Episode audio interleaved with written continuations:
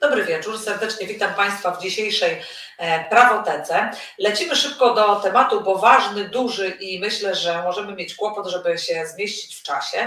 Ja nazywam się Jolanta Jerzeska, a program w dniu dzisiejszym poprowadzi ze mną pan sędzia Jarek Konopka. Cześć Jarek. Dobry wieczór, cześć Jolu. Dobry wieczór Państwu. E, proszę Państwa, e, mamy nadzieję, że za jakiś czas, już niedługi, będziemy mieli szansę e, naprawić w Polsce to, co zostało popsute w zakresie wymiaru sprawiedliwości i praworządności, ale powiem więcej. Nie ma powrotu do tego, co było dawniej, bo i dawniej nie wszystko było idealnie.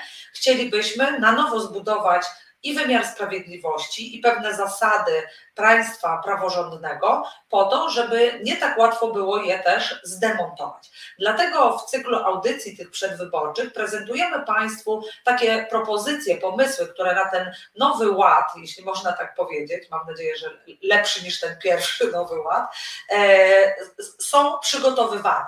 I dlatego dzisiejszymi naszymi gośćmi są Państwo prokuratorzy, pani Kasia Kwiatkowska, prezeska Stowarzyszenia Stowarzyszenia e, Lex Super Omnia i Paweł Pik, również prokurator. E, czy ty, Paweł, jesteś wiceprzewodniczącym stowarzyszenia, czy członkiem zarządu? Ja jestem tylko członkiem zarządu. Szary, zwykły członkiem zarządu. Jakoś sobie poradzimy z tą, z tą drobną drobnym problemem. Strasznie buczę, proszę Państwa, podobno coś jest u mnie nie tak. Ale, przechodząc do sedna sprawy. Lex Super Omnia przygotowało projekt ustawy o prokuraturze. Gdybyś Kasiu pokrótce powiedziała nam, jaki jest zamysł tego projektu, tak co do zasady. Dobry wieczór Państwu, dobry wieczór Jolu i Jarku. Bardzo serdecznie dziękuję za E, zaproszenie w imieniu prokuratorów Stowarzyszenia Lex Super Omnia. E, przygotowując ten e, projekt, uznaliśmy, że dotychczasowa ustawa Prawo o prokuraturze to ustawa, która była oparta na modelu prokuratury postsowieckiej, a mianowicie prokuratorzy mieli realizować politykę wyznaczoną przez rządzących. Proszę sobie wyobrazić, że po 1989 roku, a więc po przeobrażeniach ustroj, ustrojowych, mm, polska prokuratura nie doczekała się do 2016 roku nowej ustawy Prawo o prokuraturze. Obowiązywała ustawa z 1985 roku, wielokrotnie nowelizowana. Dlatego też e, my uznaliśmy, że ta ustawa aktualnie obowiązująca to ustawa, która stanowi istotny regres, jeśli chodzi o budowę nowoczesnej prokuratury, która spełniałaby wartości demokratycznego państwa prawnego, jak również wartości unijne. Uznaliśmy więc, że po ośmiu latach funkcjonowania tak zwanej dobrej zmiany w prokuraturze, która w sposób istotny ograniczała niezależność prokuratora, pokazywała, jak można upolitycznić jej funkcjonowanie, uznaliśmy, że napiszemy nowy projekt ustawy Prawo o prokuraturze, który będzie spełniał wartości unijne, standardy funkcjonowania prokuratury w krajach Rady Europy i która będzie takim pierwszym krokiem dla polskiej prokuratury i jej przystąpienia w przyszłości do prokuratury europejskiej. Ja pozwolę, ja pozwolę sobie. Mhm, mhm. Przepraszam, rozumiem, przepraszam, rozumiem, tak, przepraszam, tak, przepraszam. rozumiem z tego, rozumiem co mówisz, Kasiu, Kasiu, że, że wy chcecie tą wy prokuraturę stworzyć na nowo, na nowo takiej, jakiej, takiej, nie, jakiej nie było. Tak. Ja przeczytałam ja wasz projekt wasz i rzeczy, rzeczywiście, rzeczywiście widzę tą, widzę tą e, niezależność. niezależność. Zacznijmy może, Zacznijmy może po, kolei. po kolei. Przede wszystkim, Przede wszystkim od prokuratora, od prokuratora generalnego, generalnego, który skąd ma się wziąć wedle waszych pomysłów? Paweł. Dzień dobry Państwu, Dzień dobry bardzo Państwu, dziękuję za zaproszenie. dziękuję za zaproszenie. E, E, My uznaliśmy My rzeczywiście, że chcemy stworzyć zupełnie nową zupełnie nową prokuraturę. prokuraturę. Niezależną, prokuraturę opartą tak naprawdę tak na czterech filarach. Niezależność jest jednym z nich, transparentność, transparentność, szybkość i sprawność prowadzonych sprawność postępowań postępowań oraz e, oraz e, silny silny samorząd samorząd zawodowy. zawodowy. I istotnym I rzeczywiście istotnym elementem, e, elementem, tej nowej e, tej prokuratury nowej będzie prokuratury prokurator generalny. prokurator generalny. E, Doszliśmy do Doszliśmy wniosku, do że wniosku, prokurator że generalny musi być generalny przede musi wszystkim być przede wszystkim prokuratorem, prokuratorem, prokuratorem, prokuratorem w stanie w czynnym, stanie czynnym, z dużym z doświadczeniem doświadczeniem zawodowym. zawodowym.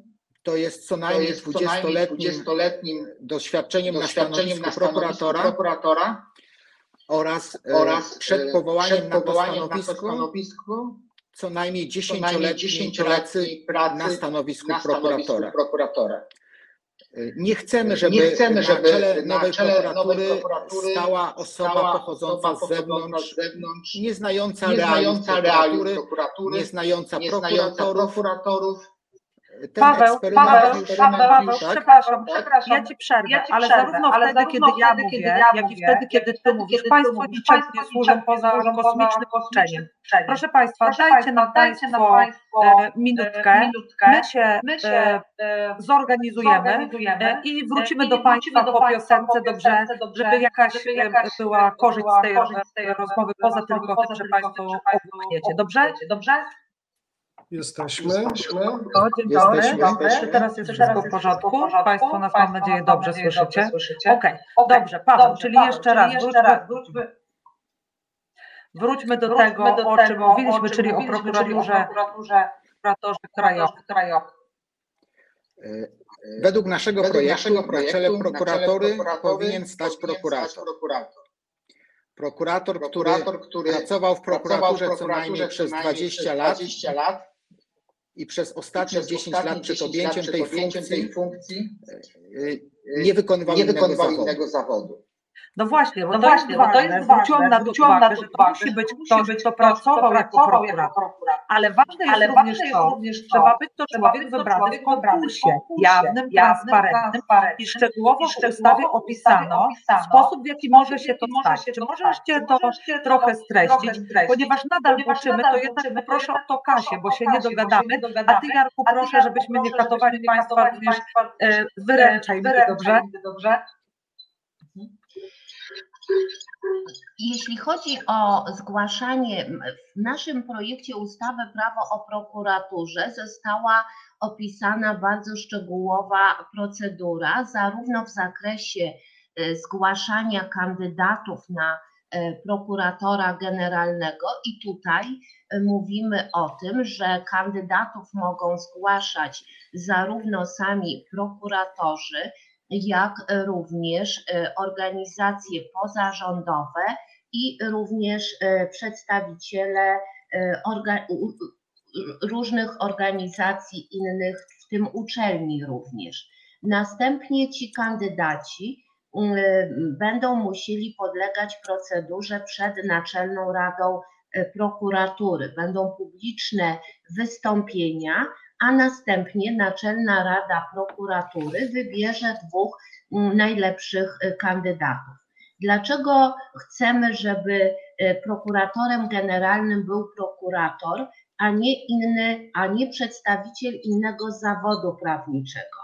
E, Niestety mamy niezbyt dobre doświadczenie, jeśli chodzi o mm, pana sędziego Seremeta, który był pierwszym tak naprawdę prokuratorem generalnym. E, Zauważyliśmy, że e, pan sędzia niestety przez pół swojej kadencji uczył się prokuratury i niestety zanim poznał mechanizmy funkcjonowania prokuratury, to najwyraźniej straciło czasu, aby zbudował prokuraturę, a w szczególności wśród prokuratorów tą ideę i to, co nas powinno charakteryzować, niezależność. Niestety odnosimy wrażenie, e, że zostawił prokuraturę na kolanach, Przyszedł pan Ziobro i niestety tą prokuraturę starał się y, zabetonować. Uważamy, że ta nowa prokuratura z prokuratorem generalnym pozwoli nam szybciej przeprowadzić zmiany w prokuraturze i przygotować ją w sposób merytoryczny i zgodny ze standardami unijnymi do przystąpienia do prokuratury mm, europejskiej. Właśnie Kasiu, Właśnie po raz kolejny, po raz kolejny wróciłaś do wróciłaś do koncepcji, koncepcji jedynej jedynej posłów też jest, spróbuję kontynuować. Państwo praworządne, ja czytam w ja projekcie, czytam w projekcie, którym jest bo już w pierwszym, pierwszym, pierwszym paragraf pierwszy, paragraf pierwszy, prokuratura jest częścią, jest częścią sprawiedliwości, podlega podlega kontroli na zasadach wskazanych, wskazanych, wskazanych, ale co jest, ale co jest rewolucją, rewolucją dzisiejszej dzisiejszej ustawy, ustawy, prokuratura stoi stoi w porządności oraz równości, co jest, co jest, e, no, no, podkreśla jakby, podkreśla jakby rok, tak, bo tego, tak, bo tego w tej ustawie nie ma, to nie ma to słowa słowa zawarte w zawarte w tej e, projekcie, ale również, ale również koncepcji. koncepcji. I odwołuje się wielu, się wielu że to, że to europejskie, europejskie mylę, czy tak, leczy także E, Rzeczywiście e, w artykule pierwszym e, zawarliśmy zapis, że prokuratura jest częścią wymiaru sprawiedliwości. Jest to efektem tego, że w naszym projekcie zaproponowaliśmy zmianę zadań i obowiązków prokuratora. W tej chwili prokurator koncentruje się na prowadzeniu postępowań przygotowawczych z ograniczoną jego rolą na etapie postępowania sądowego. Sami Państwo wiecie, że w tej chwili spotkać prokuratora na sali sądowej w sprawach, które zostały zakończone w formie dochodzenia, jest bardzo trudno. Dlaczego? Dlatego, że aktualne kierownictwo prokuratury i obowiązująca ustawa przestawiła obowiązki prokuratora. W tej chwili, według aktualnie obowiązującej ustawy, podstawowym obowiązkiem prokuratora jest prowadzenie postępowań przygotowawczych, a dopiero na drugim miejscu jest ochrona praworządności.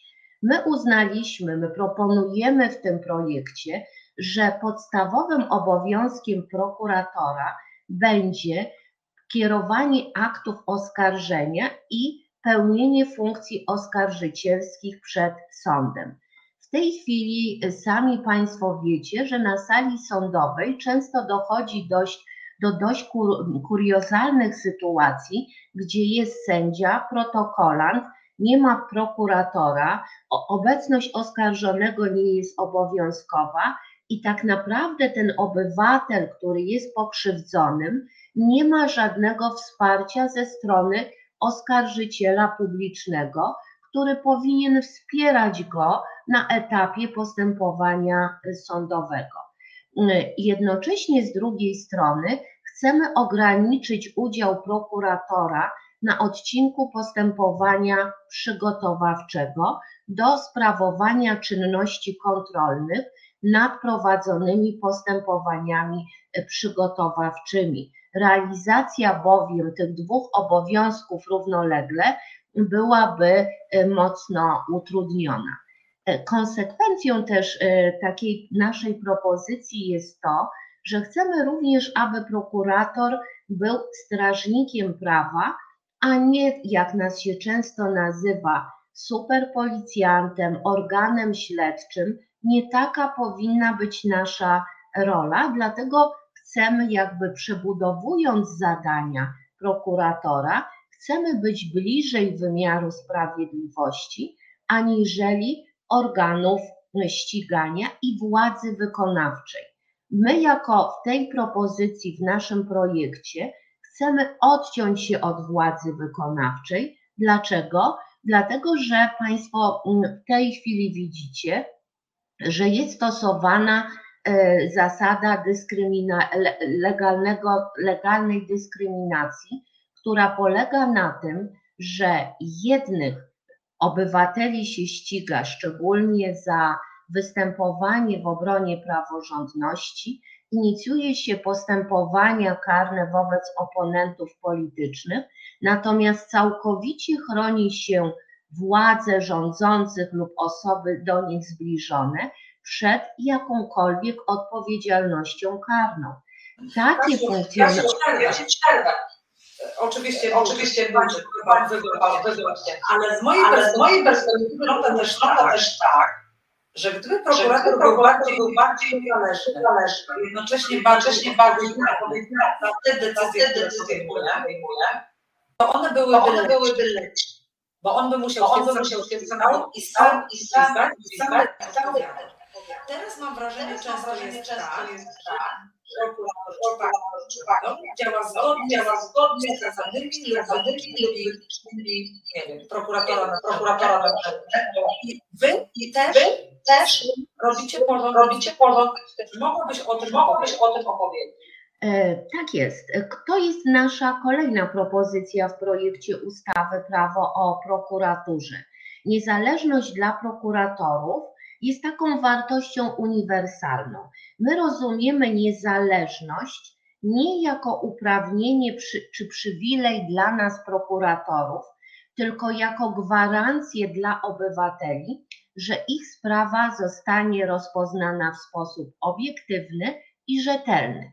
Zatem chcemy, aby to prokurator samodzielnie podejmował decyzję o wszczęciu lub odmowie wszczęcia prowadzenia postępowania, o kierunkach jego postępowania, a w szczególności od decyzji merytorycznej. Jaką podejmie decyzję merytoryczną, będzie za nią odpowiadał.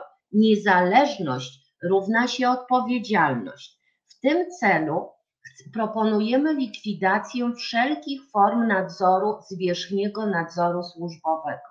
Dlaczego? Dlatego, że w tej chwili zwierzchni nadzór służbowy został rozbudowany do niebotycznych rozmiarów.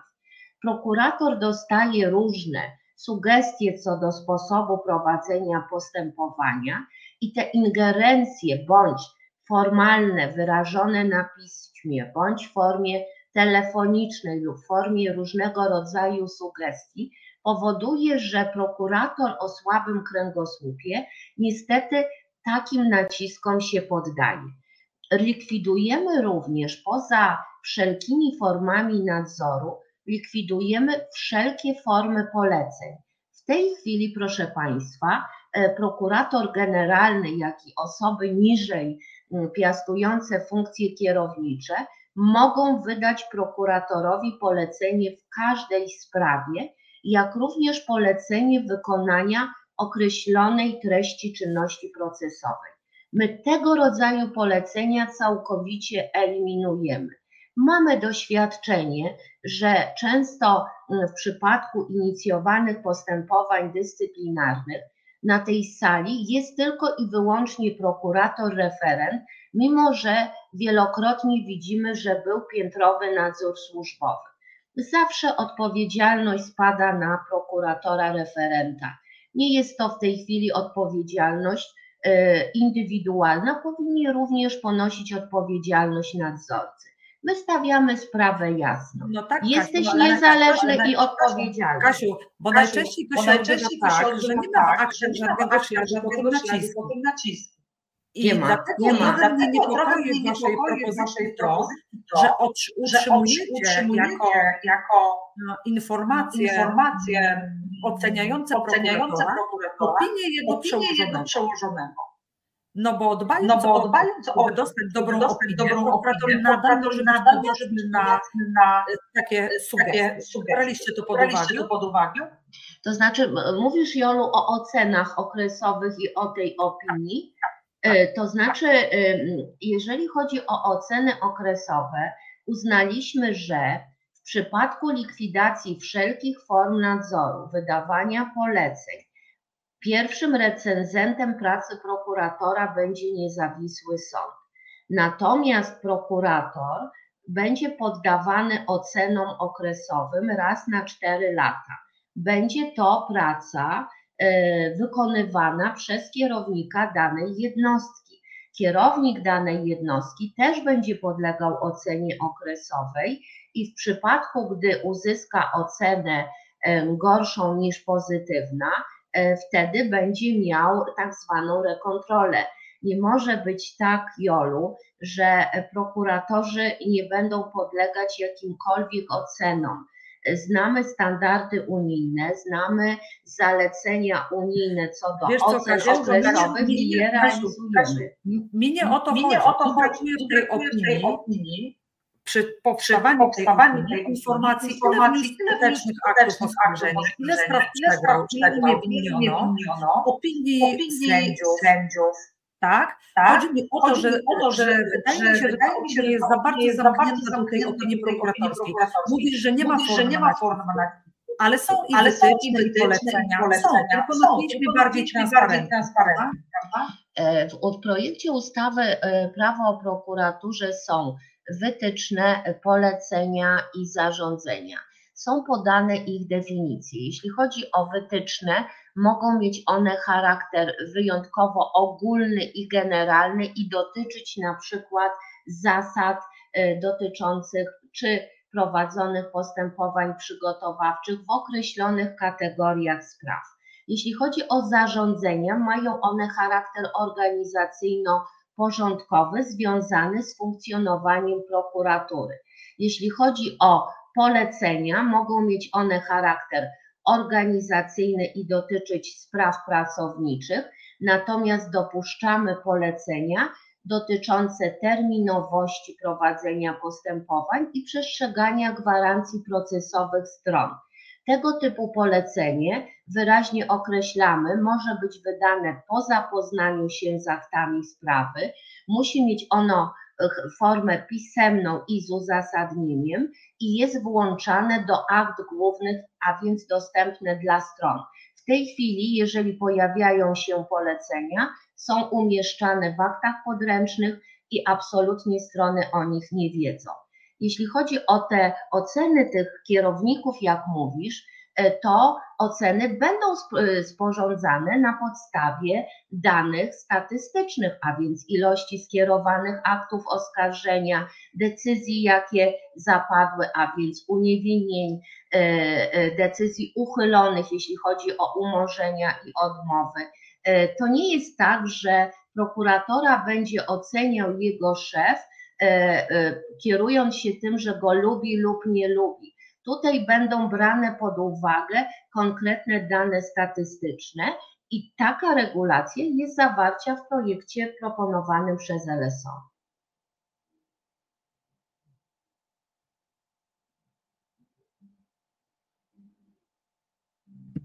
Jarek, musisz Jarek, włączyć musisz głos. włączyć głos. Już, już, Już, już, już mnie słychać. E, Założenie, założenie ustawy,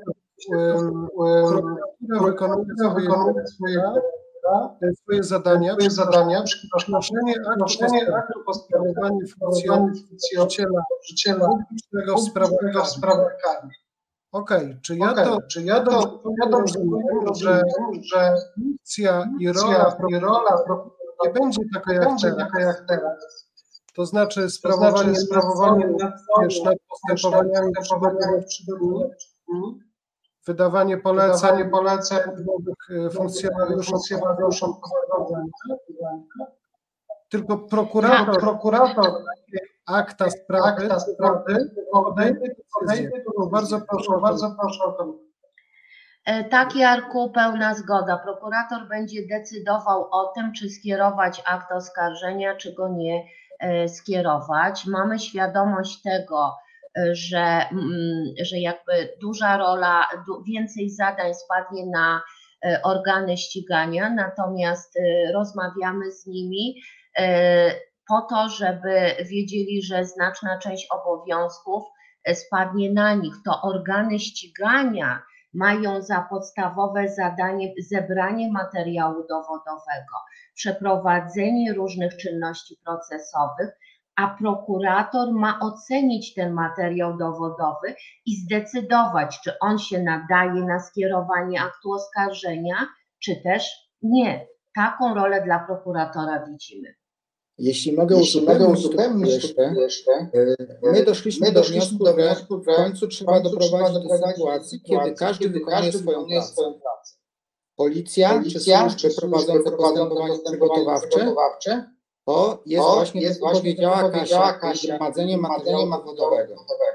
Prokurator, Prokurator ma ten materiał i materiał i decyzję, czy decyzję, skierować czy skierować akt do do sądu, czy też, czy e, też e, sprawę umorzyć, umorzyć. stwierdzając, że na przykład że na nie przykład doszło do nie popełnienia doszło do popełnienia przestępstwa. A niezawisły A sąd niezawisły sąd ma w tej ma sprawie w tej wydać sprawie wyrok. wydać wyrok.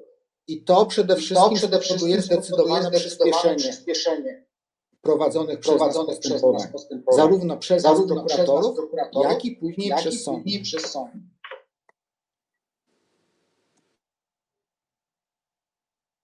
Spróbuję jeszcze Spróbuję raz. jeszcze raz. Mnie się bardzo Mnie się podoba, bardzo też podoba też budowanie samorządu. Pytam krótko, Pytam bo dostajemy bo dostajemy tutaj jest też na czacie. na czacie. Próbujemy robić, Próbujemy możemy i co możemy próbowaliśmy audycją, e, audycją, ale to się udaje. E, Kasiu, powiedz proszę o, sam, o o sam- samorządzie. o samorządzie. Jeśli chodzi o samorząd, e, chcemy, e, aby samorząd pojawił się już na szczeblu prokuratur e, rejonowych. Chcemy bowiem, aby prokuratorzy rejonowi mieli bardzo duży wpływ na sytuację prokuratury, w której e, funkcjonują. Na szczeblu prokuratur okręgowych będą zgromadzenia i kolegia i będzie jeszcze zgromadzenie na szczeblu Biura Prokuratora Generalnego, bo taką nazwę proponujemy dla e, przyszłej prokuratury e, generalnej. Dla nas silny samorząd to również silna niezależność. Powołujemy również pełnomocnika do spraw przeciwdziałania mobbingowi i dyskryminacji w prokuraturze, bowiem e, uważamy, że naszym obowiązkiem jest też e, troska o przestanie łamania prawa pracy w prokuraturze. Silny samorząd jest dla niezależnej prokuratury niezwykle ważny. Dajemy mu wiele uprawnień i kompetencji, zarówno w sprawach kadrowych, jak również w sprawach dotyczących poszczególnej sytuacji prokuratorów, a więc nawet opiniowanie wniosków o inicjowanie postępowań dyscyplinarnych. Naczelna Rada Prokuratury będzie tym, tym organem samorządu, który będzie miał stać na straży niezależności prokuratury. I tutaj też na 12 prokuratorów robimy duży ukłon w kierunku właśnie prokuratorów najniższego szczebla. Chcemy, aby było tam siedmioro prokuratorów z najniższych jednostek. E, Dochodziły do nas głosy, że e, prokuratorzy z tego szczebla e, są nie tyle lekceważeni, ale pomijani i ich głos nie jest słyszalny, dlatego też uważamy, że w tej chwili w Naczelnej Radzie Prokuratury. Powinno być więcej prokuratorów rejon, z prokuratur rejonowych i liczymy na to, że wykażą się dużą aktywnością i zaangażowaniem dla na staniu na straży niezależności prokuratorskiej. Dla, dla, Dla, dla, dla, dla porządku, porządku powiem, powiem, że że będzie będzie 12, 12, siedmiu z prokuratur rejonowych, czterech czterech okręgowych okręgowych i jeden z i jeden z prokuratora generalnego. generalnego. Bardzo mi się Bardzo mi się sposób, sposób, właściwie zgłaszania. Czy możesz o tym? Czy możesz o tym? Mhm. E, Kandydatów do, e, kandydatów do Naczelnej Rady e, Prokuratury e, będą e, mogli e, zgłaszać również e, obywatele. E, Uważamy i również organizacje e, typu notariusze, adwokaci, radcowi prawni, organizacje e, pozarządowe, które zajmują się ochroną praworządności, a obok tej Naczelnej Rady Prokuratury chcemy również powołać taką Radę Społeczną, która będzie miała głos doradczy i opiniodawczy, jeśli chodzi o wybór właśnie prokuratora generalnego, czy też wybór prokuratorów na stanowiska kierownicze. Chcemy bowiem, aby obywatele również, którzy widzą pewne nieprawidłowości, będą widzieli nieprawidłowości w funkcjonowaniu prokuratury lub też będą mieli swoje propozycje, e, aby ulepszyć pracę prokuratury albo też poprawić na przykład e, pewne formy prowadzenia postępowań w określonych kategoriach spraw, aby głos obywateli był słyszalny.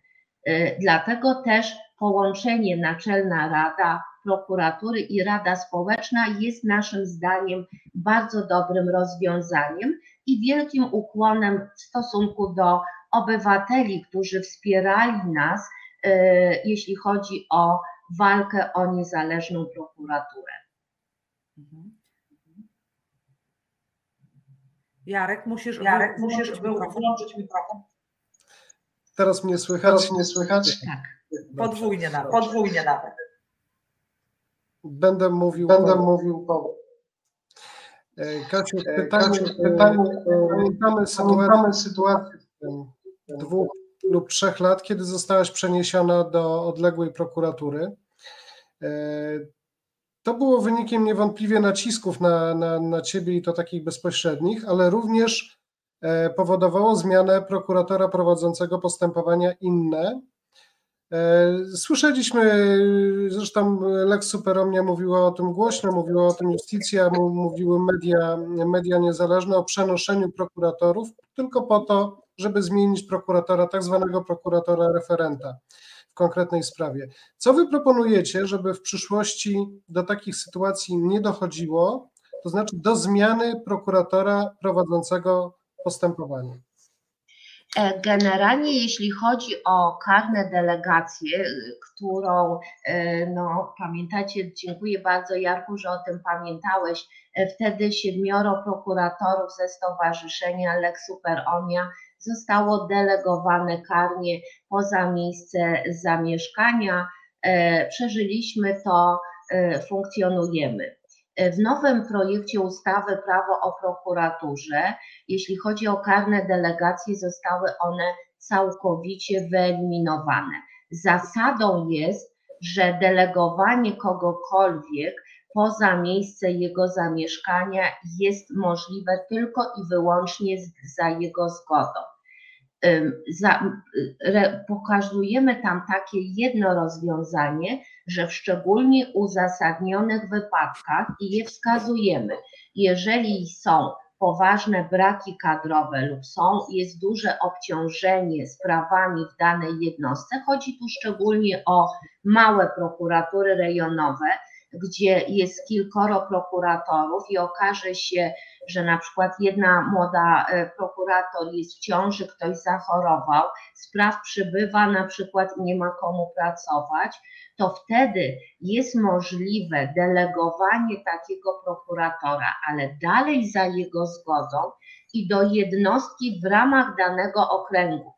Czyli jeżeli jest prokurator pracujący w prokuraturze e, na przykład okręgowej w Toruniu, to może on być delegowany nie do prokuratury okręgowej w Szczecinie, tylko właśnie na przykład do prokuratury rejonowej w Golubiu Dobrzyniu. Jeśli jednak nikt nie wyrazi zgody na delegację poza miejsce dotychczasowej swojej pracy, wówczas prokurator danej jednostki kieruje uzasadniony wniosek do kolegium, do organu samorządowego, który wtedy może wyrazić zgodę bez zgody danego prokuratora na delegowanie go do innej jednostki w ramach danego okręgu na okres 6 miesięcy. Dodatkowo dajemy takiemu prokuratorowi prawo, że jeżeli nie zgadza się z taką decyzją, może złożyć odwołanie od tej decyzji do sądu pracy. Jeśli chodzi o zmiany referentów, to wszyscy wiemy, że jest to aktualnie patologia. Przenosi się sprawy z jednej jednostki do drugiej, chociażby afera hejterska zaliczyła już kilka e, jednostek, a sprawy końca nie widać. My absolutnie, jeśli chodzi o zmianę referenta, również mówimy stop. Jeśli będzie nastąpi taka sytuacja i zostanie podjęta taka decyzja, musi być wydane zarządzenie z uzasadnieniem. Od tej decyzji prokuratorowi przysługuje odwołanie do Naczelnej Rady Prokuratury.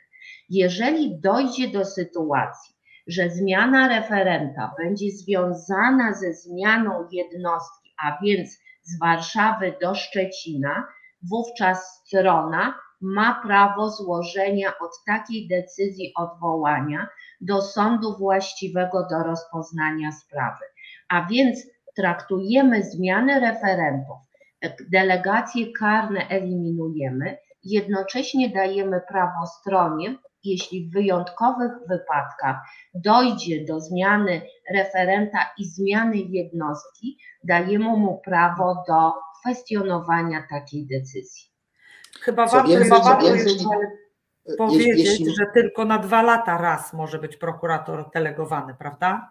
Nie wiem, Paweł, słuchamy Cię. E, Ja tylko chciałbym uzupełnić to, co powiedziała Kasia, że my idziemy jeszcze e, również roz, e, krok dalej, e, jeśli chodzi w ogóle o możliwość przejęcia sprawy, e, na przykład skomplikowanej, wieloosobowej, z prokuratury rejonowej do prokuratury okręgowej. Tu też jest wymagana zgoda referenta postępowania, czyli to nie będzie sytuacji takiej, że kierownik jednostki samodzielnie będzie mógł przekazać sprawę do jednostki wyższego rzędu. Będzie tutaj wymagana też zgoda prokuratora referenta. Mhm. No, ja myślę, że to są takie rozwiązania bardzo podobne do tych, które e, w, w wymiarze sprawiedliwości, mam na myśli wężej pojętym, czyli w sądach działają. One u nas też, jak się okazało, e, zupełnie nas nie ochroniły, a właściwie e, demon, dem, demontaż Krajowej Rady Sądownictwa jakby spowodował wywalenie tego bezpiecznika, ale u Was jest troszeczkę już inaczej, bo Wy od samego początku zakładacie, że Wasza Rada Prokuratorów będzie radą ludzi wybieranych przez samorząd prokuratorski, więc nie będzie tej obawy, że tutaj będziemy mieli jakieś e, polityczne, e, polityczne manipulacje, które spowodują, że decyzje będą w taki sposób podjęte. Mam jeszcze jeden e, haczyk, bo wcześniej się czepiałam tych opinii okresowych, nadal jednak uważam, że one powinny być jakby odciągnięte od przełożonego. Wybaczcie, może to jest rzecz do przemyślenia, a być może ja nie mam racji, ale zawsze mi się wydaje, że niezależność buduje się w ten sposób, że w żaden sposób nie zależysz od swojego zwierzchnika. E, Nie chodzi mi o to, że on nie będzie sprawdzał, czy w ogóle przychodzisz do pracy albo czy wykonujesz swoje obowiązki, ale nie będzie mógł ocenić ciebie i powiedzieć, że ty jesteś krnąbrny na przykład, e, bo nie, nie zrobiłeś tego, czego on sobie życzył. Tak mi się wydaje, ale e, no, szanuję wasze, wasze inne zdanie. Natomiast zauważyłam też, że pozostajecie, co jest z punktu widzenia praworządności marginalną kwestią, ale niestety okazało się, że ten, e, to narzędzie również było wykorzystywane szczególnie przez takie gadzinowe gazety. Mam na myśli upublicznianie oświadczeń majątkowych e, prokuratorów. E, To, że prokuratorzy te oświadczenia muszą składać, to jest oczywiste i absolutnie niekwestionowane. Czemu chcecie je nadal publikować? To Paweł, był problem, problem bardzo mocno dyskutowany przez nas i on tak naprawdę cały czas jest dyskutowany. E, Tak jak wspomniałem, nasza ustawa jest oparta między innymi o zasadę transparentności. I to jest kwestia jakiegoś balansu pomiędzy tymi rzeczywiście kwestiami, które są w oświadczeniach majątkowych i tym, czy istnieją przesłanki do tego, żeby opinia publiczna mogła się z tymi oświadczeniami zapoznać, czyli ukłon w stronę zasady transparentności, czy też nie. E, Doszliśmy do wniosku, mimo oczywiście tych argumentów, o których powiedziała, które są bardzo słuszne, e, że e, winna być tutaj e, priorytetem jednak zasada transparentności. To znaczy, opinia publiczna ma prawo e, dowiedzieć się o tym, ile, jaki majątek posiada funkcjonariusz publiczny, jakim jest prokurator. Myślę, że to, to nie jest jeszcze temat zamknięty, na pewno. Natomiast na dzień dzisiejszy rzeczywiście przyjęliśmy utrzymanie tej zasady transparentności przy oczywiście wielu argumentach przeciw, z którymi na, na pewno się zgadzamy też. To jest po prostu kwestia tak naprawdę e, podjęcia decyzji, w którą stronę ten projekt miał iść. I taka decyzja została podjęta. Mhm. Dobrze, a czy możecie jeszcze powiedzieć, znalazłam taki zapis y, w tej ustawie. Wydaje mi się, że wiem, dlaczego go wprowadziliście ale chciałabym, żebyście troszkę nam wyjaśnili, a mianowicie artykuł 236 bodajże, który mówi o tym, że jeśli wniesiono już do sądu akt oskarżenia, wniosek o warunkowe umorzenie postępowania, wniosek o wydanie wyroku na posiedzeniu bez rozprawy, czy wniosek o umorzenie postępowania i zastosowanie środka zabezpieczającego, to nie chcecie, żeby można było go cofnąć. E, to jest trochę niezgodne z KPK. Skąd ten pomysł? I dlaczego? To ja może odpowiem. Mamy teraz taką e, praktykę, która jak wiemy e, prowadzona była chyba w przepisach e, covidowych bodajże, to prawo do cofania aktów oskarżenia. Uważamy, że był, w ten sposób był cofnięty akt oskarżenia w sprawie e, aktualnego e, prezesa zarządu Orlenu, jak również odnośnie aktywności w cudzysłowie, aktywności karnej narodowców. Uważamy, że gospodarzem postępowania, gdy skierujemy akt oskarżenia, jest sąd i sąd powinien dokonać oceny materiału dowodowego, wydając wyrok albo skazujący, albo wyrok uniewinniający. Tego rodzaju uprawnienie do cofania aktów oskarżenia celem umorzenia, bo tak się te sprawy kończyły, jest naszym, nie ma nic wspólnego z rzetelnym wymiarem sprawiedliwości. Ja byłam bardzo zaskoczona, że po skierowaniu aktu oskarżenia, bo w tej sprawie dotyczącej narodowców okazało się, że to ta sama pani prokurator, pani prokurator napisała akt oskarżenia, po czym na polecenie przełożonych cofnęła akt oskarżenia, aby wydać decyzję o umorzeniu postępowania. Tego typu działania niestety miały charakter y, polityczny, bowiem dotyczyły często osób, które były powiązane y, z władzą polityczną lub przyjaciółmi tejże władzy. Kasiu, nas... Kasiu, Kasiu, ja też, ja to, to jest wszystko oczywiste. Ta instytucja została nadużyta, e, natomiast zobacz, że możemy troszkę wylać dziecko z kąpielą, bo czasem bywa tak, że z różnych powodów, na przykład dlatego, że świadkowie się zmówili, staje przed sądem człowiek, co do którego już w toku procesu prokurator, który widzi, jakie są przeprowadzane dowody i że na przykład świadkowie mówią, no nie, właściwie to zeznałem tak przed prokuratorem czy przed policją, bo koleżanka mnie prosiła, mówiła, że mąż ją bije, no to powiedziałem, że że wiem, że ją bije, ale tak naprawdę nic o tym nie wiedziałam. I zobacz, że to spowoduje, że ten proces będzie musiał trwać aż do momentu uniewinnienia, a gdyby prokurator miał szansę, ten niezależny, bo pamiętajmy, ja mówię o takim prokuratorze, ten niezależny i odpowiadający za swoje decyzje prokurator mógł zareagować, to mógłby powiedzieć: no nie, ten akt oskarżenia jest pomyłką, przepraszam pana bardzo. Wprawdzie ja nie zawiniłem, bo mnie wprowadzono w błąd, ale teraz zabiorę się za tych, którzy pana tutaj przyprowadzili na salę rozpraw, a wy, wy uniemożliwiacie taką sytuację. Czy nie można gdzieś znaleźć rozwiązania mm, łączącego te dwa, e, te dwa interesy? Paweł, widzę, że się wyrywa. Nie wydaje mi się, że uniemożliwiamy tą sytuację. My wyszliśmy z takiego założenia, że prokurator musi być niezależny, ale odpowiedzialny. I to jest przepis, który w pewnym sensie e, e, zakreśla te zasady odpowiedzialności. A z punktu widzenia osoby, tak jak mówisz, niesłusznie oskarżonej, wydaje nam się, że dużo bardziej wartościowy mimo wszystko jest dla niego wyrok uniewinniający niż ewentualnie prokuratorskie umorzenie postępowania. E, w tym momencie ta osoba zostaje przez sąd uznana za niewinną zarzucanych mu czynów. Konsekwencją jest oczywiście to, że skierowany przez prokuratora akt oskarżenia był no być może oparty na y, y, nieprawidłowo Paweł, to może zebranych prostu dowodach.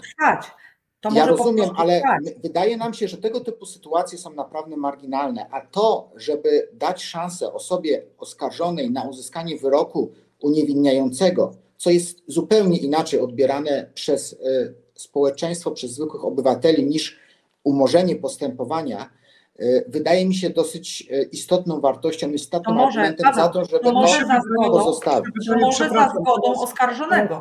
Przepraszam, przer, y, y, Mhm. ja, ja słucham Pawła i Joli mm, bardzo szczegółowo i wydaje mi się, że ta koncepcja dotycząca niemożności co- cofnięcia aktu oskarżenia jest bliższa obywatelowi. Dlaczego? Bo rzeczywiście zgadzam się z tym, że wyrok uniewinniający jest lepszym, le, lepszym y, w odbiorze, no tak to nazwijmy, tak, niż y, postanowienie chociażby o umorzeniu postępowania z powodów cofnięcia chociażby skargi uprawnionego oskarżyciela, ale jest je, jeszcze jedna kwestia, mianowicie po przeprowadzeniu tego, tego całego procesu, w którym się okazuje, że mm, jeden ze świadków mówi, bo mi tam ktoś mówił, albo no, generalnie moje zeznania poprzednie były, mm, były dotknięte wadą, prokurator może oświadczyć, wnoszę o uniewinnienie co też będzie wykazaniem się przez niego, wykazaniem się tej postawy niezależności. No ja nie pamiętam, a jesteśmy tutaj, jak, jak, jak, jak wszyscy siedzimy, już kilkanaście albo kilkadziesiąt lat w zawodzie, ja nie pamiętam sytuacji, w której prokurator po zakończonym procesie, krótszym, dłuższym, wszystko jedno, wstałby na koniec i przy głosach końcowych powiedział wnoszę o uniewinnienie postępowania. Zdarzało się, co mnie dziwiło, ja, mi się od razu lampka zapala, e, o umorzenie postępowania z jakichś powodów. E, Nie będę już opowiadał o sprawie, bo, bo, bo ani minister... No dobra, ale słuchajcie, jesteśmy zgodni co do tego, że tutaj mamy, mamy się kierować interesem oskarżonego. No Mhm. jakkolwiek oczywiście do mnie też trafiają argumenty, o których mówicie, że lepiej, żeby ktoś został uniewinniony, no bo to brzmi dużo lepiej niż to, że sąd umorzył postępowanie, bo e, cofnięty został akt oskarżenia.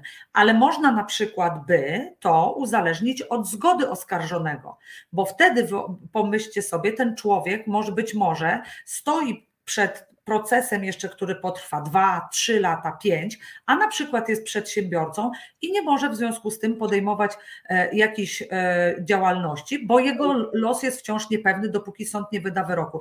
Ja tylko w tym kontekście to mówię. Ja rozumiem, że intencja jest taka, że nie można było tymi postępowaniami manip- manipulować i to jest bardzo okej. Tylko chodzi mi o to, żeby nie wylać dziecka z kąpielą. Ja, prawdę mówiąc, gdybym była fałszywie oskarżona, wolałabym, żeby prokurator cofnął akt oskarżenia.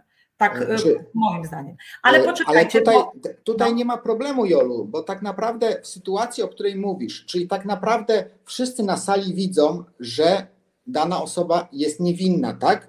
Mhm. Nie ma problemu, żebyśmy zgodzili się na ograniczenie przewodu sądowego i tak jak, ale jak możesz powiedział tylko Jarek, wtedy ograniczyć postępowanie, jeżeli jest, nie, nie budzi wątpliwości. A jeśli ma, masz akt oskarżenia, czyli coś, co jest ofensywne i wnioski, że jest niewinny, to to, nie, to budzi wątpliwości.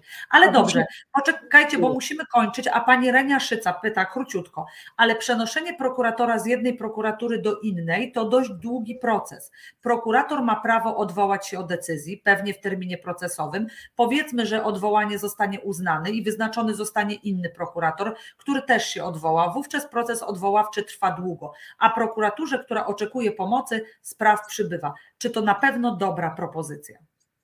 Paweł. Kasiu, przepraszam, ale ty mówiłaś nie bucząc jako jedyna, więc teraz musimy się odegrać. oczywi, o, oczywiście y, to są argumenty, które na pewno, na pewno y, mają swoją rację, natomiast pamiętajmy wszyscy o jednym, że ta delegacja prokuratora bez jego zgody, bo mówimy o tej sytuacji, tak? Y, No to będzie rzeczywiście, my w ogóle nie spodziewamy się, że takie przypadki będą miały miejsce. Y, Delegacji z powodu Paweł, nie tego, mów. Nie mów hop.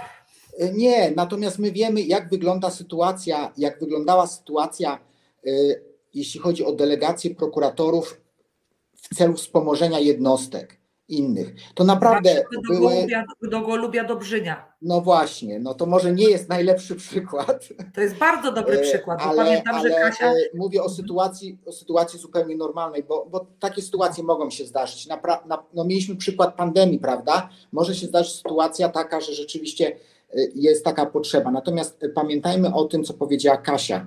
Te delegacje, mówimy o delegacjach w ramach tak naprawdę obszaru jednego okręgu. E, Co do zasady, w pierwszej kolejności szukamy osób, które się zgodzą po prostu wspomóc tą jednostkę i pewnie z reguły będziemy je znajdować. Sytuację taką, że rzeczywiście prokurator okręgowy będzie musiał na siłę kogoś kierować, mając możliwość, e, e, mając możliwość wyboru spośród kilkudziesięciu, nawet kilkuset w większych okręgach prokuratorów, prokuratorów, prokuratorów prokuratur rejonowych, czy też okręgowej, to naprawdę nie będzie, nie będzie aż tak dużym problemem. I ta kwestia rzeczywiście w sytuacji, kiedy ktoś by bardzo mocno się odwoływał od tego, być może miałby rację, tak? bo być może ta decyzja by była zupełnie instrumentalna, pozbawiona jakichkolwiek racjonalnych przesłanek, tak jak w przypadku rzeczonego Golubia Dobrzynia. Y, Temu ma służyć bardziej ten tryb, niż temu, żebyśmy y, nie zostawiali prokuratory, prokuratury bez pomocy. Więc tutaj tego się nie obawiamy. To wynika z analizy po prostu tego typu sytuacji, które miały miejsce i mają miejsce y, w prokuraturze. Nie jest to aż tak duży problem. Mhm. No i słuchajcie, ostatnia, Kasia, chyba. Kasiu, jeśli chcesz coś powiedzieć, to musisz mikrofon włączyć. Tylko jedno szybciutko zdanie tytułem uzupełnienia wypowiedzi Pawła. E, Prokuratorów jest ponad 6 tysięcy. Tej chwili w prokuraturze jest prowadzona irracjonalna sytuacja kadrowa. Jedna trzecia prokuratorów jest na tak zwanych delegacjach awansowych. Chcemy sytuację kadrową uporządkować i wychodzimy z założenia, że tego rodzaju delegacje będą wyjątkiem od wyjątków, a sytuacja kadrowa w prokuraturach się mocno poprawi, dlatego że każdy, kto ma określony tytuł, będzie pracował, czyli stanowisko służbowe będzie odpowiadało miejscu służbowemu. Poprawimy to, a delegację chcę po- powtórzyć i Panią uspokoić, że będzie to wyjątek od wyjątków, a nigdy w życiu zasada. Dobrze. Jeszcze, jeszcze Jolu, jedno, no bo już musimy kończyć, widzę. tak. Jeszcze jedna rzecz mi się rzuciła w oczy po przeczytaniu waszego projektu ustawy, który jest re- rewolucyjny dla mnie. Ja to mówię z całą odpowiedzialnością. Znam ustawę starą, znam ustawę jeszcze starszą, bo tutaj jeden z komentatorów pytał, czy ja wiem, że statystyka. Tak, proszę pana, wiem, bo kilkanaście lat temu, e, dosyć dawno, też byłem prokuratorem, więc wiem, czym jest statystyka w prokuraturze. E, To było bardzo dawno rzeczywiście. Ale co mi się rzuca w oczy? Digitalizacja akt. I tutaj jesteśmy zgodni, to znaczy wy jako Lex Superomnia i Justicja, my o to też postulujemy. Zdigitalizujmy w końcu te akta, skończmy z aktami papierowymi, Yy, chrońmy lasy to jedna, a dwa, dajmy sobie więcej wytchnienia i możliwości oceny yy, łatwiejszej w XXI wieku tego, co mamy przed oczami, tych dowodów. I tutaj rzeczywiście o to, o to również y, wnosicie w projekcie, żeby te akta postępowania były prowadzone w formie elektronicznej i w takiej formie przesyłane do sądu. Mhm. Ja obserwuję jeszcze czat, na którym e, e, Państwo rozmawialiście między innymi o tym upublicznianiu oświadczeń majątkowych. Proszę Państwa, Państwo chyba źle zrozumieliście. Oświadczenia majątkowe powinny być składane i przez sędziów, i przez prokuratorów. Nie w tym rzecz. Chodzi o to, że Państwo, jeśli wbijecie nazwisko każdego z nas, którego tu widzicie, będziecie sobie mogli nasze oświadczenie majątkowe przeczytać. Moim zdaniem to, zwłaszcza w małych miejscowościach, powoduje, że naraża prokuratora, który zajmuje się sprawami karnymi, lub sędziego, który w tych sprawach pracuje, po prostu na jakieś akty agresji niekiedy, bo te informacje, które tam są zawarte, po prostu czasem jakby zdradzają, gdzie on jest, gdzie mieszka. I to bardziej o to chodzi. Natomiast wcześniej, kiedy oświadczenia nie były publikowane na stronie, proszę Państwa, my mówimy o stronie internetowej, tak? One nadal były wypełniane przez nas, były przesyłane do Urzędu Skarbowego i Urząd Skarbowy miał absolutną sposobność do tego, żeby zbadać, czy to, co my posiadamy, jest adekwatne do naszych zarobków, a co za tym idzie, czy być może jest jakieś niebezpieczeństwo, że gdzieś się e, niesłusznie, nielegalnie wzbogaciliśmy. Więc my nie mówimy tutaj o takiej transparentności, bo ona nie podlega żadnej rozmowie. Ale na koniec, pan Jan Mielczarek pisze. Pan minister wyraźnie dał do zrozumienia, że nie zastosuje się do nakazu sądowego w sprawie pani reżyser. Jak mamy to rozumieć? E, nie jestem pewna, panie Janie, czy chodzi panu o rozumieć, bo rozumieć myślę wprost. Po prostu pan minister publicznie deklaruje, że nie będzie przestrzegał e, orzeczenia sądu. To jest to orzeczenie wydane, o ile dobrze pamiętam, w trybie zabezpieczenia. My możemy państwu powiedzieć, jak my to oceniamy. Zaryzykuję tezę, że wiem, jak my to oceniamy, ale proszę, Kasiu, jak ty to oceniasz? Co o tym myślisz? Kasiu, musisz wyłączyć mikrofon. Przepraszam. E, ja bardzo negatywnie oceniam e, decyzję pana ministra sprawiedliwości Zbigniewa Ziobro, bowiem pokazuje ona, że on jako osoba e, no, zajmująca najwyższe funkcje w państwie nie szanuje, nie respektuje wyroków sądowych. To jest pokazanie obywatelom, żeby również takich wyroków sądowych nie szanowali, a to jest już kierunek ku anarchii. Anarchii, anarchii. Tak jest. Paweł? Paweł? E, Ja podpisuję pod tym wszystkim oczywiście obiema rękoma. Powiem, że w tej sytuacji mi się po prostu mm, przypomina system amerykański, gdzie taka, taka działalność publiczna, nawoływanie do niewykonywania orzeczenia sądu, no, stanowi po prostu obrazy sądu, za którą się idzie na wiele lat do więzienia. I tu tam nikt nie dyskutuje z czymś takim. Nikt by nie śmiał zakwestionować prawomocnego orzeczenia sądowego, niezależnie od tego, jakie ono by było. Bo to konsekwencją tego jest po prostu długoletnie więzienie. I nie kara grzywny, tylko długoletnie więzienie. Mhm. Jarek, jak ty to widzisz? No jednoznacznie, to tu, tu właściwie nic, nic dodać, nic ująć. Kasia i Paweł powiedzieli dokładnie to, to, to o czym sądzę. To jest, no, to jest nawoływanie do anarchii. To, to, to nie jest nawoływanie do anarchii, to jest po dokładnie. prostu anarchia i jest to, y, no, tru, trudno, trudno teraz mówić o przestępstwie, ale jest to, no, no jest to, jest to powód, dla którego y, w przyszłości trzeba jak najszybciej wprowadzić niezależną prokuraturę, która właśnie takie wypowiedzi i takie anarchistyczne postawy będzie, mm, będzie, będzie oskarżać, no już Mhm. mówiąc bardzo, bardzo krótko. Jak to się Ale skończy? słuchajcie, ale Jarek, nie możemy być niesprawiedliwi, bo to nie jest tylko e, grzeszek e, pana ministra sprawiedliwości. To się wielu politykom zdarzało i wielu polityków nie wykonywało wyroków. Wprawdzie pan Oskar Oskar pisze, sąd nadużywa swoich kompetencji, wolność słowa. Rozumiem, że chodzi mu o to, że pan minister działał w zakresie wolności słowa. My nie o tym tutaj mówimy. Sąd nie jest sądem boskim, który wydaje tylko właściwe rozstrzygnięcia, ale do tego, żeby je kwestionować, służą środki zaskarżenia. Natomiast musimy się do nich podporządkowywać, bo inaczej robimy anarchię. I na to się zgodzić nie możemy ani wobec pana ministra, ani wobec nikogo innego, bo w takim razie każdy złodziej, który ukradł nam pieniądze, a sąd go zobowiązał, żeby nam te pieniądze oddał, może powiedzieć: A ja nie lubię tego sądu i nie będę tego robił, bo sędzia miała rude, długie włosy, a ja bym wolał blondynkę. Proszę państwa, to nie chodzi o to, że sądy są y, y, nieomylne, tylko o to, że ktoś wymiar sprawiedliwości musi sprawować. I nic lepszego dotąd nie wymyśliliśmy i nie wymyślimy. Niestety tak mi się wydaje, że to jest tak jak z demokracją. Prawda? Kiwacie Tak. głową. Rozumiem, że Wiem, że się zgadzamy. Jolu, tylko jeżeli pozwolicie, na koniec bym powiedziała, że bez niezależnej i autonomicznej prokuratury nie będzie niezależnego wymiaru sprawiedliwości, a więc pracujmy e, razem nad tym, aby w przyszłości ten wymiar sprawiedliwości funkcjonował, żeby też obywatele wiedzieli, że ich sprawy będą rozpoznawane w rozsądnym terminie, e, zarówno w przypadku pro, pracy prokuratorów, jak i sędziów, a w przypadku prokuratorów, że każda sprawa, szczególnie ta, która będzie dotyczyła urzędników, wysoko postawionych funkcjonariuszy publicznych, zostanie przede wszystkim faktycznie, a nie teoretycznie podjęta przez niezależnego prokuratora i zostanie oceniona po zebraniu materiału dowodowego w sposób obiektywny i niezależny. Prokurator nie może bać się prowadzenia postępowań dotyczących wysoko postawionych funkcjonariuszy publicznych.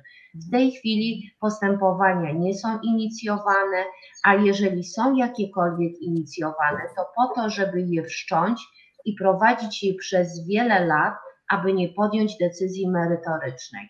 E, Zasady postępowania pana Ziobro jako prokuratora generalnego są takie, że albo się bardzo szybko sprawy kończy, wydając decyzję o odmowie wszczęcia postępowania, albo wszczyna się je i prowadzi przez wiele, wiele lat. To kompletnie nie ma nic wspólnego z rzetelnym wymiarem sprawiedliwości w Polsce. Albo na konferencji ogłasza się od razu zakończenie postępowania w formie on jest winien, albo ona jest winna. To prawda. Myślę, że wzorem, że wzorem, do którego powinniśmy dążyć, mam na myśli wzorzec tej silnej prokuratury i wzorzec autorytetu, jaki wymiar sprawiedliwości, ale też bardzo prokuratura sobie e, wypracowali, to jest wzorzec izraelski. Tam, proszę Państwa, najbardziej prominentni politycy byli skazywani za zwykłe, powszechne przestępstwa, łapownictwa, e, o jakieś takie e, malwersacje. To się może udać tylko w kraju, kiedy ten prokurator i ten sędzia i cały wymiar sprawiedliwości ma pewność, że e, nie jest zależny od tego, e, kogo, kogo e, oskarża czy kogo skazuje i że odpowiada głównie przed obywatelami. I tego sobie życzymy, Sobie chyba, życzymy, prawda? Ale jeszcze jedno, bo my rozmawiamy w dniu dzisiejszym o przepisach prawnych, o projekcie ustawy Prawo o prokuraturze. Musimy pamiętać, że prokuraturę tworzą ludzie. Dlatego też ważna jest ich osobowość, cechy intelektualne i moralne. My mamy świadomość, prokuratorzy niezależni, że przed nami e, wiele lat pracy, jeśli chodzi o zmiany mentalne, za, dotyczące prokuratorów, ale chcemy się tego podjąć. Chcemy podjąć się, żebyśmy się w przyszłości nie wstydzili, że jesteśmy prokuratorami niezależnymi i powinniśmy w przyszłości, myślę, bliższej niż dalszej, przynależeć do prokuratury europejskiej. Mogę jedno zdanie? Proszę. Gratuluję Lex Super Omnia projektu ustawy, projektu ustawy o prokuraturze. A ja, Bardzo żegnając, A ja żegnając się, a ja żegnając a ja z żegnając się z wami, Dziękując Wam za tą rozmowę, pomyślałam sobie, że mam nadzieję, proszę Państwa, że po pierwsze wy, wybaczycie nam to buczenie. Ono nie było wbrew temu, co Państwo nam tu zarzucaliście e, kwestią jakichś głośników, tylko po prostu coś tutaj się e, niedobrze zadziało, ale udało się. I mam nadzieję, że to buczenie nasze własne było ostatnią przeszkodą, jaką spotkaliśmy na drodze do tego, żeby wymiar sprawiedliwości zbudować od nowa, bo reformować może być nam trochę ciężko, ale A ja zbudować na, ja, ja na koniec chciałem tylko jeszcze powiedzieć, że nasz projekt jest projektem, w którym my, prokuratorzy, chcemy wziąć odpowiedzialność i być również pierwszym i najważniejszym strażnikiem niezawisłości sędziowskiej. Mhm. Bo Możecie to jest Państwo go znaleźć. Możecie go Państwo znaleźć na stronie Lex SO. E, Po, dokończcie proszę, bo Lex SO ukośnik lexo.org. O, jest jeszcze raz wyświetlony. Państwo możecie go obejrzeć. Całe 137 stron, ale naprawdę sporo e, ciekawej lektury związanej głównie z rozbudową samorządu prokuratorskiego, e, a właściwie z budowaniem go na nowo, z oddaniem prokuratorom e, głosu, ale jednocześnie obarczeniem ich również odpowiedzialnością. Tego zawsze mi w prokuratorze brakowało. Dziękuję Kasiu. Dziękuję Kasiu. Inkluzywnym wobec obywateli. Inkluzywnym wobec obywateli. To jest bardzo ważne w tej, w tej, w tej ustawie. Inkluzywnym wobec obywateli. Sami Państwo słyszeliście, piękny projekt. Dziękuję Kasiu, dziękuję Pawle. Państwa jeszcze raz przepraszamy za te problemy techniczne. Walczyliśmy, walczyliśmy i zwyciężyliśmy, by życie zawsze było dla nas takie łaskawe, prawda?